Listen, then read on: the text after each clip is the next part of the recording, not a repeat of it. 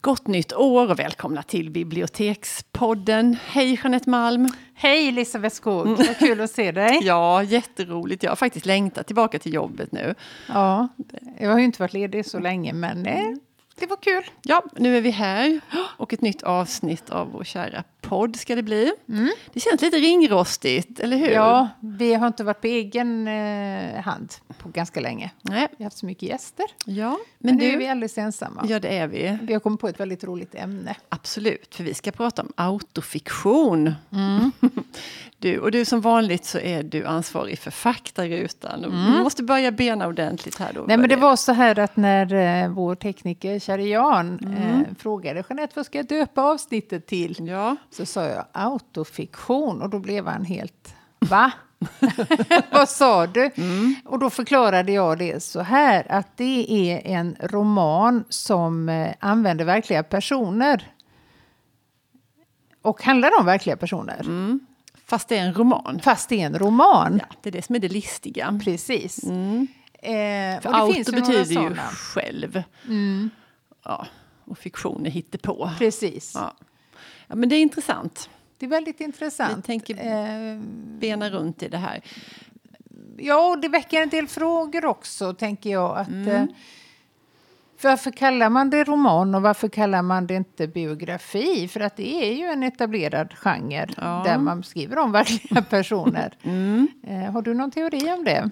Ja, men det första jag tänker på då, det är ju att att det här med att det är en roman, att det blir som, en, som ett skyddande täcke runt alltihopa. För då behöver mm. man inte, man behöver inte vara exakt i detaljer och år. Och man behöver inte vara exakt allt. Man kan plocka det man vill ifrån verkligheten och namnge det, eller personer och sådär. Men, men så kallar man det ändå en roman. Mm. För då är man fri att göra vad man vill med det. Man kan också säga att det här är min uppfattning av ja, det som händer. Det är lite snyggare. Det är lite snyggare. ja. Nej, men det, vi har ju några exempel på författare och de här romanerna har ju oftast blivit oerhört uppmärksammade. Mm, av olika skäl. Av olika ja. skäl. Um, ja, nej men då tar jag mitt favoritexempel först då, som är Kerstin Ekmans bok som heter Grand Final i skojarbranschen. Mm. Som kom för några år sedan. Um, och det, är en, det är en jättebra och jätteintressant bok. Och många mm. tänker så här, åh Kerstin Ekman, att det ska vara så tungt och akademin och historiskt och da, da, da, sådär. Um, bort sådana tankar och i synnerhet bort med det i den här boken. För ja, här är det så... Är en uppsluppen historia får man ja, säga. Jag är helt säker på att hon hade jättekul när hon skrev den. Ja. För den är så. Men, men där, där handlar, alltså, handlingen då i grova drag är ju så här att det är det är två personer. Um, det dels är det liksom författaren som, som sitter hemma och skriver böckerna och sen den personen som i romanen liksom står för allt det offentliga är en annan person. Mm. För i Kerstin Ekmans värld så går det här inte ihop. Um, hon som skriver böckerna, hon heter Babba Andersson. Och hon är ful och tjock och cynisk och liksom helt socialt omöjlig. Mm. För kvinnor i offentligheten får inte vara varken tjocka, fula eller cyniska. Så hon är helt inte gångbar. Däremot skriver hon fantastiska böcker. Mm. Och så är det en annan person som får framträda då. Och hon heter Lillemor Troy och hon är vacker och behaglig. Och det är hon som är på bokmässor och i författarsammanhang, mm. signeringar och sådär. Mm och i, med det här så måste ju såklart Kerstin Ekman peka på den här omöjligheten i att, att få ihop de här rollerna. Mm. Typ och hon, det är ju en ordlek där med, om man känner sin Ekman, mm. så upptäcker man väl det efter en liten stund. Nej, det är fyndigt. För Lill, eh, Kerstin Ekman heter Lillemor i andra namn. Och Troy är liksom ett anagram av hennes flicknamn. Hon hette Hjort, Hjort. som mm. ogift. Mm. Eh, smart. Ja. Nej, men jag kommer ihåg den mm. väl också när jag läste den. Att den mm. var eh, väldigt vass och väldigt mm. rolig. Och sen har jag för mig att den börjar med att den här Babba Andersson, att hon faktiskt tröttnar på att vara den som aldrig märks. jag tror hon skickar ja. ett, ett, bok till, en, ett, eget, eller ett manus till ett förlag. Liksom I, I sin egen namn. person. Mm. Ja. Mm. Eh, det tror jag för mig att det är upptakten till. Mm, mycket möjligt. Hela alltet. Eh, jag tänker också på det.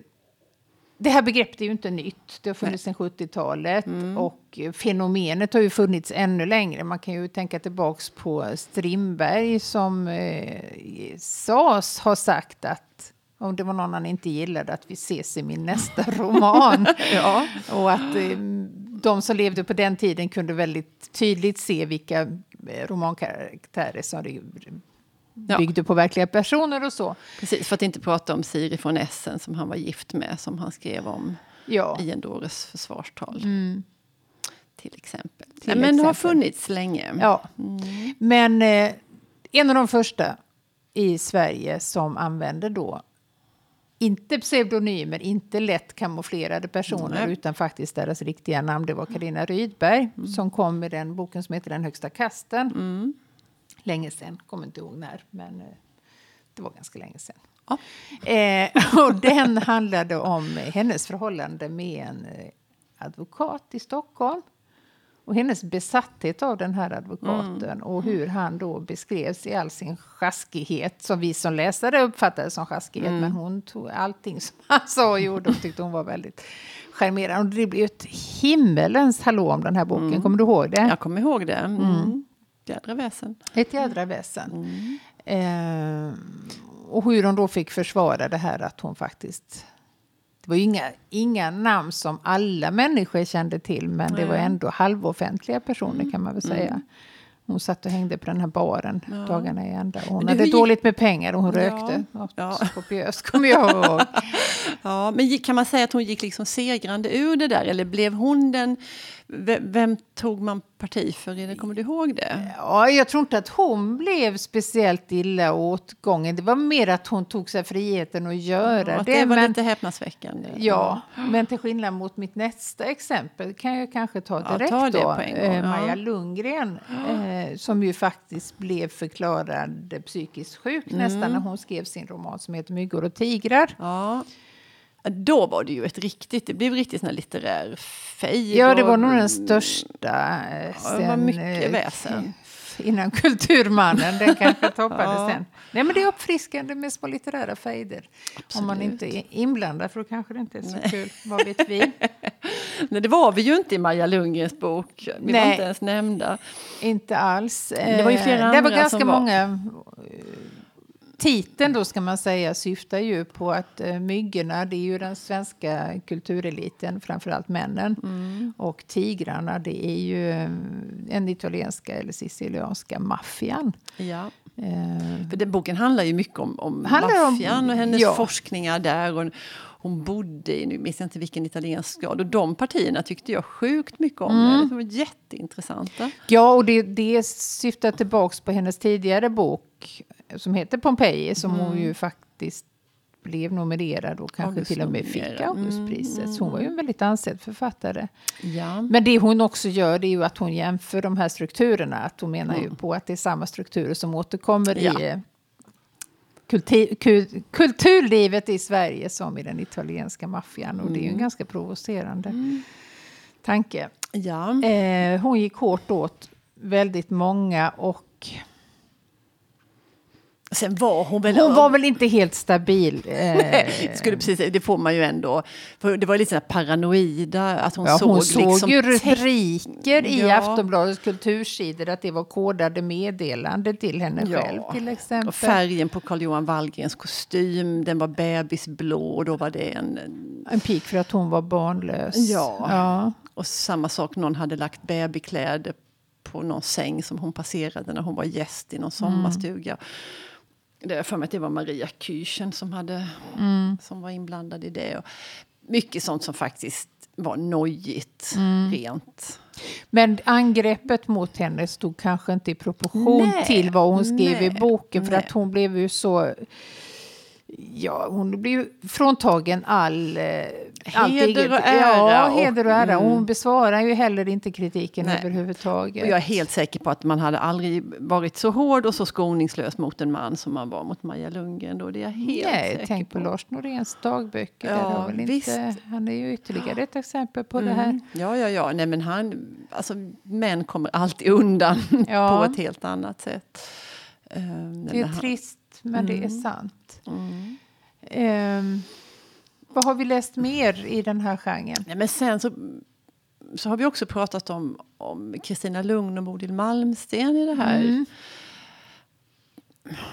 kapitlet. För de använder ju sina sina jag. På ett väldigt, och det där är ju så försåtligt. För det, mm. han, alltså, på ett vis så, så förleds man ju att tro att det här är rakt av deras. Ja. Bodil Malmsten fick ju säckar med brev från människor som, ville, som tyckte att de kände henne och ville komma och hälsa på henne i, I Finisterre. Det verkar ju mysigt. Ja, jag kom. Jag passade vecka 42. Um, mm. att, att det är någon sorts försåtlig intimitet där som gör att man mm. tror att man känner verkligen att det här är de här personerna. Och man av. tror att det är jaget är detsamma. Ja. Och det sa ju till och med Bodil Malmsten eller skrev någonstans att bokens jag hade ingenting med henne att göra. Eh, och det vet ju hon bäst själv. Såklart. Så det får man ju inte förväxla då Nej, med eh, det andra som vi kallar autofiktion. Nej. Men och Kristina Lugn är ju ett som... ytterligt sånt, eh, nästan eller, eh, ja, i alla fall ett likadant exempel mm. på det. När folk har ju förväxlat allting med det hon säger och jag tror att hon är fången i sina egna formuleringar ibland. Att ja. hon hittar på och drar till med grejer och så ja in i sitt eget namn. Och så, så förleds man där med att tro mm. att men det här handlar, och jag, hon har sagt någon jätteintressanta saker om det här i intervjuer. För någon gång, så, för väldigt länge sedan när hon började bli känd och hon var med hela tiden i tv så, så sa hon att, att jag måste skydda Kristina. Mm. Såklart måste hon liksom bevara det som är mm. henne själv och hennes, sin, den egna kärnan. Um, Ja, men det måste ju vara hemskt att tro att folk tror att de faktiskt känner henne ja. och att de har ett förhållande till ja. henne. Mm. Eh, som på något sätt liksom tillåter en privatperson mm. att ta sig väldigt stora friheter mm. som man inte skulle göra med någon, med annan, någon annan. Nej, men det där är så snärjigt. För samtidigt ja. så har ju både Bodil Malmsten finns ju inte längre, men alltså de har ju haft nytta, har och har haft nytta av det där, för de har fått en massa läsare och en massa ja. personer som beundrar dem och ser på deras teater, läser deras böcker. Så, alltså de jo, men ju... det märkliga är ju att jag uppfattar dem som två mm. personer med jättehög integritet, ja. samtidigt som de då skenbart lämnar mm, ut sig mm, själva mm. i sina böcker. Så det är så mm. himla viktigt att skilja på bokjaget och Absolut, eh, privatjaget. Och jag skulle, skulle du gå i fatt Kristina Lugn om du mötte henne? Nej, det hade jag inte till... vågat. Nej, det gör man inte. Nej, men, nej, nej. Eh, men du, finns det några manliga motsvarigheter till de här två som vi har nämnt nu då? Som, där man känner sådär, nej men det där är ju min kompis. Det där, det där att, att man tror att man vet allting för de skriver i sitt namn och i Ja, jag skulle inte kalla det kompis, men jag hör ju till dem som har läst alla hur många tusen sidorna det är nu i Knausgårds mm. sex delars mm. Eh, verk som mm. heter Min kamp, mm. numrerat 1-6. Och han är väl ganska tydlig med att det faktiskt är sanning, mm. det han skriver, mm. även om det också är klassat som romaner. Mm. Eh, men han förskönar inte sig själv på något sätt. Han är ju, den han utlämnar mest av alla, det är ju sitt eget jag. Mm. Hans mm. självförakt är ju gigantiskt. Mm. Mm. Men eh, han råkar ju också ut för det här processandet. Ja, men, ja hur var det? Det var någon släkting som ja. drog honom inför skranket? Eller ja, men det var farbrodern där. Alltså, han hade ju en eh, fruktansvärd far. Eh, kan man väl lindrigt mm. sagt säga. Nej, men det var ju riktigt eländigt. Mm. Han var ju galen. Mm. Och, eh, han beskriver då sin farbror, hur han agerade när mamman dog. Mm. Och det är kanske ingen jättesmickrande bild, men det är heller ingen anklagelse. Nej. Eh, men det, det, läste han in och det hade man kanske gjort. Det är lätt att sitta utanför och tycka att ja, men det var väl inte så farligt. Nej. Men om man bor i en liten det. stad och alla vet vem man är och alla har läst böckerna mm. så klart att det kommer i en annan eh, dager. Mm. Så att, eh, han blev eh, stämd men jag tror inte att det hände någonting mer. Att det fanns inte, för han var ju inte ens namngiven i Nej. boken. Även om då i Norge vet säkert alla mycket, mycket mer om mm. familjen och släkten än vad vi mm. vet här i Sverige. Det är den enda manliga och sen är det naturligtvis... Men du vet vad, jag tänker på Lars Lerin. Alltså, nu är han Ja. ju konstnär men han, han skriver ju också böcker och har varit mycket i tv. Och, för där finns också det där som jag tror att Att människor tror att de känner Ja, honom, hans person. Och ja, men, ja, jag är helt säker på att han Han väcker samma känslor Ja. av att, att det här skulle kunna bli, vi kan bli ett bra gäng. Ja. Mm. ja, sen är det ju faktiskt Ulf Lundell också. Hans eh, romaner som jag i och för sig inte har läst på många år nu men eh, de känns ju inte så väldigt långt ifrån Nej. hans eget Nej. jag. Huvudpersonen åldras i takt med Lundell själv. Och, ja. Fast Nej, där, tror, där tror jag inte man känner det där att man, vill, att man, att man känner dem sådär, att man skulle morsa på stan Nej. och liksom säga ska vi gå och ta Nej, en öl? det är nog tvärtom. För att man vet Ja. hur... Han är ju kanske ingen filantrop direkt. Nej. Nej. Men då, det här är så intressant och det finns så många. För kom, när vi började prata om det här så av någon outgrundlig anledning så tänkte jag på på Lars-Gunnar Revander som jag verkligen inte har tänkt på. på Tänker man säkert inte på dagligdags på 30 kanske. år, eller på, i alla fall på 20. Um, Varför gjorde du det? Nej, men ja, då var jag tvungen att eh, kolla runt lite varför gjorde jag det. Men då har han också figurerat i de här, för han i de här sammanhangen han, 2005 så kom en bok och den blev August-nominerad roman som hette I min ungdom speglade jag mig ofta. Och det blev ett jädra väsen ganska snart efter den hade kommit ut. Hans dotter eh, Karin, vill jag minnas, skrev en artikel i DN där hon gick hårt åt pappa Per-Gunnar eh, som helt explicit har skriver om en tragedi i familjen och gör den helt till sin egen och förvanskar sanningen på ett sätt som ja, enligt henne så var det helt horribla saker. Han, hon har en syster som dör och han smutskastar den döda systern och deras mm, syskonens mamma. Jätteobehagligt. Jag tycker barn får skriva om sina föräldrar. Men föräldrar får faktiskt aldrig skriva om sina Mm. Nej, barn. Det är en väldigt stor eh, Det, ja, tabu, tycker jag. Som är... precis. Vi har varit inne på detta tidigare och då, då kommer jag inte alls ihåg den här Evander-fejden. Men det. Sen är det också att, att om man är författare och man har alla de där kanalerna är öppna, man kan liksom, vad man än, det är så lätt att få saker publicerade och folk Mm. lyssnar på en. Det är ju mycket svårare att vara den okända dottern där och få Mm. göra sin stämma hörd. Men det har vi faktiskt ett exempel på. Mm. Det har vilken snygg. oläst exempel Mm. ska vi säga. Ja. Men det var ingen som kunde undgå det. Tror jag för några år sedan när en dotter till eh, Anna Wahlgren Mm. Anna Wahlgren som då var en guru på barnuppfostran. Hon gav ju Visst. ut den här barnaboken. Jag vet inte hur många upplagor. Och, Nej, det eh, lästes ju verkligen och refererades Ja, till oh, och ja. hänvisades till. Och det här hur man skulle få Sveriges barn att sova Dr. i... Spock. Ja, ja, ja, ja. ehm, När hennes dotter Felicia Fält. just det. Mm. Hon gav ju en eh, annan bild. Ja, inte så klädsam bild av Nej. uppväxten. Hos... Fast där fick man heller kanske inte riktigt reda på. I och med att hon har så många barn så tänkte man att kanske någon skulle komma och antingen backa upp en och säga jo så här var det eller eh, helt motbevisa henne om. Men det, det blev väl ganska... Det hände inte så mycket. Nej. Mer än mellan mamman och eh, Precis. Felicia i Mm. ganska obehagliga scener i någon tv-soffa vill jag Ja, minnas. skitläskigt.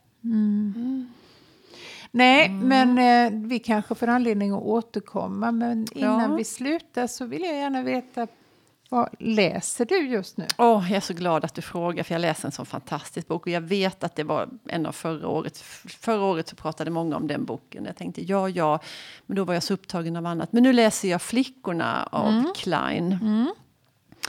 Eh, och den är så fruktansvärt bra, Jeanette. Den är så otroligt bra.